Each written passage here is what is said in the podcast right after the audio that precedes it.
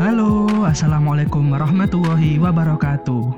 Kenalin, aku sahabat Aidar yang akan menemani kalian di podcast Suara Pergerakan. Apa sih Suara Pergerakan itu? Suara Pergerakan merupakan podcast dari PMI Rayon Kesehatan Air Langga atau singkatnya kita bisa sebut dengan Rayon Kesehatan. Nah, untuk episode perdana ini kita akan membahas tentang pertanyaan-pertanyaan yang udah kita share kemarin di grup, di grup PMI Rayon Kesehatan. Untuk pertanyaan kali ini, kita akan mengusung tema yaitu Ramadan di tengah pandemi COVID-19. Tapi kita tidak sendiri, narasumber kita kali ini adalah Dr. Edi. Dr. Edi merupakan alumni dari Fakultas Kedokteran Universitas Erlangga. Beliau juga merupakan alumni dari PMI Komisat Erlangga juga. Beliau merupakan dokter spesialis yang bekerja di Rumah Sakit Dr. Sutomo. Selain jadi dokter, beliau juga aktif di organisasi Nahdlatul Ulama. Beliau juga pernah menjabat sebagai Wakil Ketua PWNU Jawa Timur. Tapi untuk podcast kita kali ini, Dokter Edi tidak bisa hadir. Jangan khawatir, kita akan tetap menjawab pertanyaan dari teman-teman yang udah dijawab oleh Dokter Edi. Nah, untuk pertanyaan kali ini akan dijawab oleh Sahabat Yuski. Sahabat Yuski merupakan Ketua Bidang Internal di PMI Rayon Kesehatan. Selain aktif di PMII, sahabat Juski merupakan ketua organisasi Badan Legislatif Mahasiswa di Fakultas Keperawat. Nggak usah lama-lama lagi, mari kita dengarkan penjelasan dari Dr. Edi yang akan dibacakan oleh sahabat Juski. Terima kasih kepada sahabat Haidar. Assalamualaikum warahmatullahi wabarakatuh. Pada kesempatan kali ini, saya akan membacakan jawaban yang sudah diberikan oleh Dr. Edi untuk menjawab pertanyaan-pertanyaan dari sahabat-sahabati mengenai Ramadan di tengah pandemi COVID-19. Di sini ada tujuh pertanyaan dan alhamdulillah sudah dijawab semua. Kita langsung saja masuk ke pertanyaan yang pertama, yaitu bagaimana dok cara menjaga daya tahan tubuh kita saat puasa di tengah pandemi COVID-19? Oke, jawaban yang sudah diberikan Dr. Edi yaitu yang pertama ada empat hal yang perlu diperhatikan. Yang pertama yaitu pilih nutrisi mikro dan makro. Pada pemilihan nutrisi mikro dan makro, kita harus mengetahui bahwasanya tubuh itu membutuhkan nutrisi makro dari protein, karbohidrat, lemak baik, dan air yang cukup agar proses metabolisme bisa berjalan normal. Nah, selain itu, Tubuh juga membutuhkan jumlah vitamin A, B6, B12, vitamin C, vitamin D, vitamin E, folat, seng, selenium, dan elemen lain yang cukup untuk menunjang daya tahan tubuh agar tetap kuat. Tentunya dalam prinsip pola makan kita harus seimbang dan disarankan untuk komposisi asupan mengandung karbohidrat, protein, dan sebagainya. Itu hal yang pertama. Masuk ke hal yang kedua yaitu penuhi gizi seimbang. Tentunya kita ketika berpuasa, tentunya setiap makan besar pada saat berbuka puasa, upayakan agar pemenuhan gizi seimbang ini tetap terjaga. Dimulai dari protein. Protein ini merupakan hal yang sangat penting karena kenapa? Fungsinya yaitu untuk memberikan perbaikan jaringan dan sel yang rusak. Nah, di samping itu, kita harus juga memenuhi karbohidrat. Tentunya bisa kita dapatkan bisa dari nasi, roti, dan sayuran sebagai sumber tenaga. Untuk jenis protein tadi, di sini ada dua jenis protein, protein nabati dan hewani. Tentunya yang hewani bisa kita milih protein hewani yang rendah lemak. Contohnya seperti telur, susu, ikan, dan ayam. Sedangkan untuk protein nabati kita bisa memilih kacang-kacangan, tahu, tempe ataupun dari biji-bijian. Baik, itu yang kedua. Lanjut ke poin yang ketiga yaitu memperbanyak konsumsi buah dan sayur-sayuran. Sudah kita ketahui bahwasanya manfaat buah dan sayur ini dapat menyediakan kebutuhan vitamin, mineral, dan serat bagi tubuh kita. Selain itu, ketika memilih buah dan sayur-sayuran, usahakan kita memilih buah dan sayur-sayuran ini dalam kondisi yang segar. Karena di dalam buah dan sayur-sayuran dengan kondisi yang segar ini lebih kaya nutrisi dibandingkan buah dan sayur-sayuran dalam keadaan buku maupun kalengan. Untuk di luar jam makan utama, kita bisa menjadikan buah dan sayur-sayuran ini sebagai camilan ataupun menu takjil yang sehat. Oke, selanjutnya yaitu poin yang keempat, batasi asupan lemak, gula, dan garam. Tuh, walaupun tubuh kita seharian berpuasa bukan berarti saat berbuka ataupun sahur kita itu bebas menuruti segala keinginan kita ketika makan maupun minum. Jadi usahakan tetap membatasi konsumsi lemak, gula, dan garam. Tentunya untuk menjaga daya tahan tubuh kita ketika berpuasa di tengah pandemi COVID-19. Pertanyaan yang kedua, apakah pasien COVID-19 boleh berpuasa? Di sini ada hal yang perlu kita ketahui bahwasanya siapa saja pasien COVID-19 yang boleh berpuasa dan yang tidak boleh berpuasa. Dimulai dari penderita COVID-19 yang tidak boleh berpuasa. Walaupun saat ini umat muslim tengah menjalani ibadah puasa, pasien yang positif terkena COVID-19 ataupun pasien dalam pengawasan atau PDP dengan gejala berat seperti demam di atas 38 derajat Celcius dan sesak napas ini sangat tidak dianjurkan untuk berpuasa. Kenapa? Karena saat berpuasa tubuh tidak dapat makanan dan minuman mulai dari matahari terbit hingga datangnya azan maghrib pasien demam rentan mengalami dehidrasi. Jadi, apabila pasien tersebut juga berpuasa, ia akan lebih beresiko lagi untuk mengalami dehidrasi berat dan tentunya ini bisa memperburuk kondisinya. Untuk pasien positif COVID-19 maupun PDP dengan gejala berat juga harus mendapatkan perawatan yang intensif di rumah sakit sehingga perlu diberikan cairan infus sepanjang hari. Dan menurut sebagian ulama, hal ini dapat membatalkan puasa. Selain itu, alasan lain mengapa pasien infeksi COVID-19 ini tidak diperbolehkan berpuasa adalah karena ia harus minum obat dan mengkonsumsi makanan yang bergizi guna meningkatkan daya tahan tubuhnya. Yang selanjutnya yaitu penderita COVID-19 yang boleh berpuasa. Ini berbeda lagi dengan PDP tadi. Di sini nih yang diperbolehkan berpuasa yaitu orang yang statusnya dalam pemantauan atau ODP dengan gejala ringan seperti batuk, pilek tanpa demam, Nah, ini masih diperbolehkan untuk berpuasa. Alasannya kenapa? Karena ODP dengan gejala ringan cenderung memiliki daya tahan tubuh yang lebih kuat. Jadi, ketika berpuasa, bagi pasien ODP ini masih tergolong aman. Yang selanjutnya yaitu OTG atau orang tanpa gejala.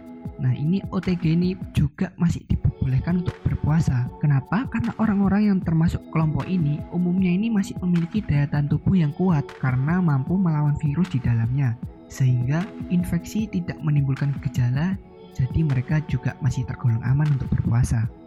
Nah, selain itu ada hal-hal yang perlu diperhatikan penderita COVID-19 saat berpuasa. Meskipun tergolong aman, ODP dengan gejala ringan ataupun OTG sebaiknya berkonsultasi dengan dokter sebelum memutuskan untuk berpuasa apalagi bila memiliki penyakit tertentu yang bisa memperberat dari COVID-19 ini.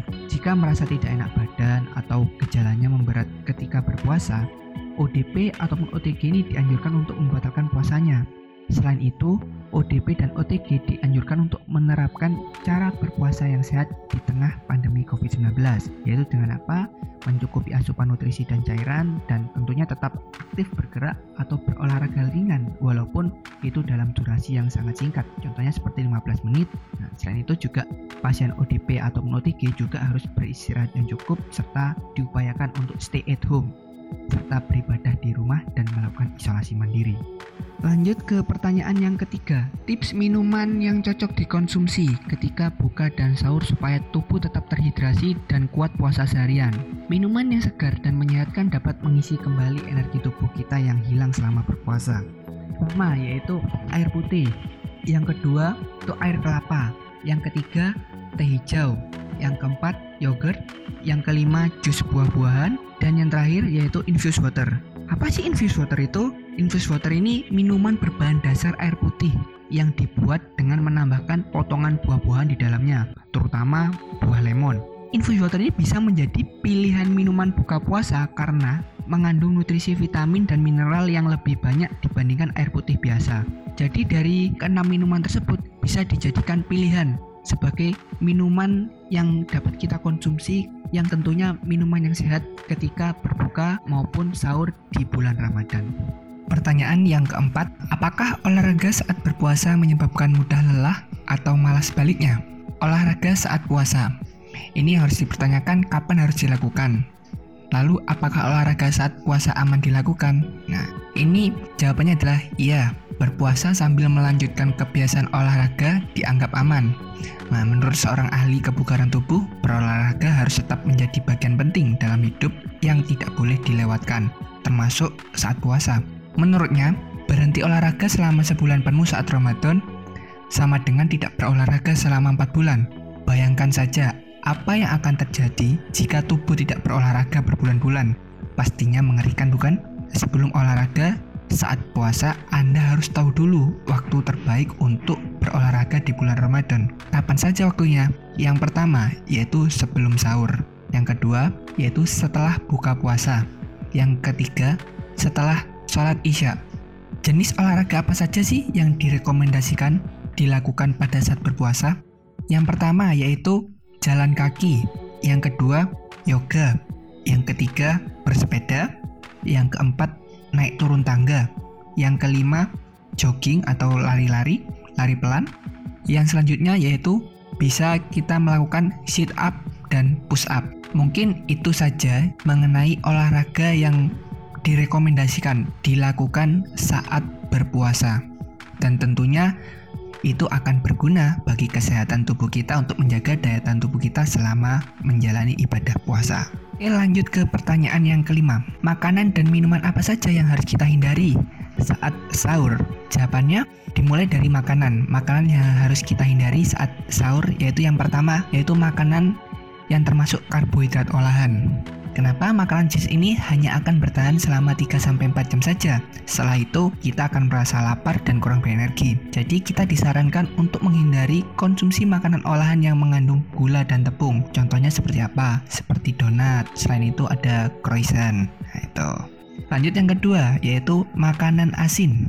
Kenapa? Karena ketidakseimbangan kadar natrium dalam tubuh membuat kita akan merasa haus secara terus-menerus. Tentunya saat berpuasa ini sangat berbahaya. Kenapa? Karena secara tidak langsung nanti kita akan mengalami dehidrasi. Karena kita akan merasa haus secara terus-menerus karena ketidakseimbangan kadar natrium dalam tubuh kita. Jadi, cobalah untuk menghindari makanan yang banyak mengandung kadar natrium seperti makanan asin. Contohnya keripik-keripikan. Nah, itu. Lanjut yang ketiga yaitu makanan tinggi gula. Makanan dengan kandungan gula yang tinggi juga perlu kita hindari karena makanan manis menjadi sumber kenaikan berat badan dan pemicu berbagai penyakit jika dikonsumsi setiap hari. Jadi kita pilih makanan yang rendah gula. Yang selanjutnya yaitu makanan yang digoreng atau berminyak.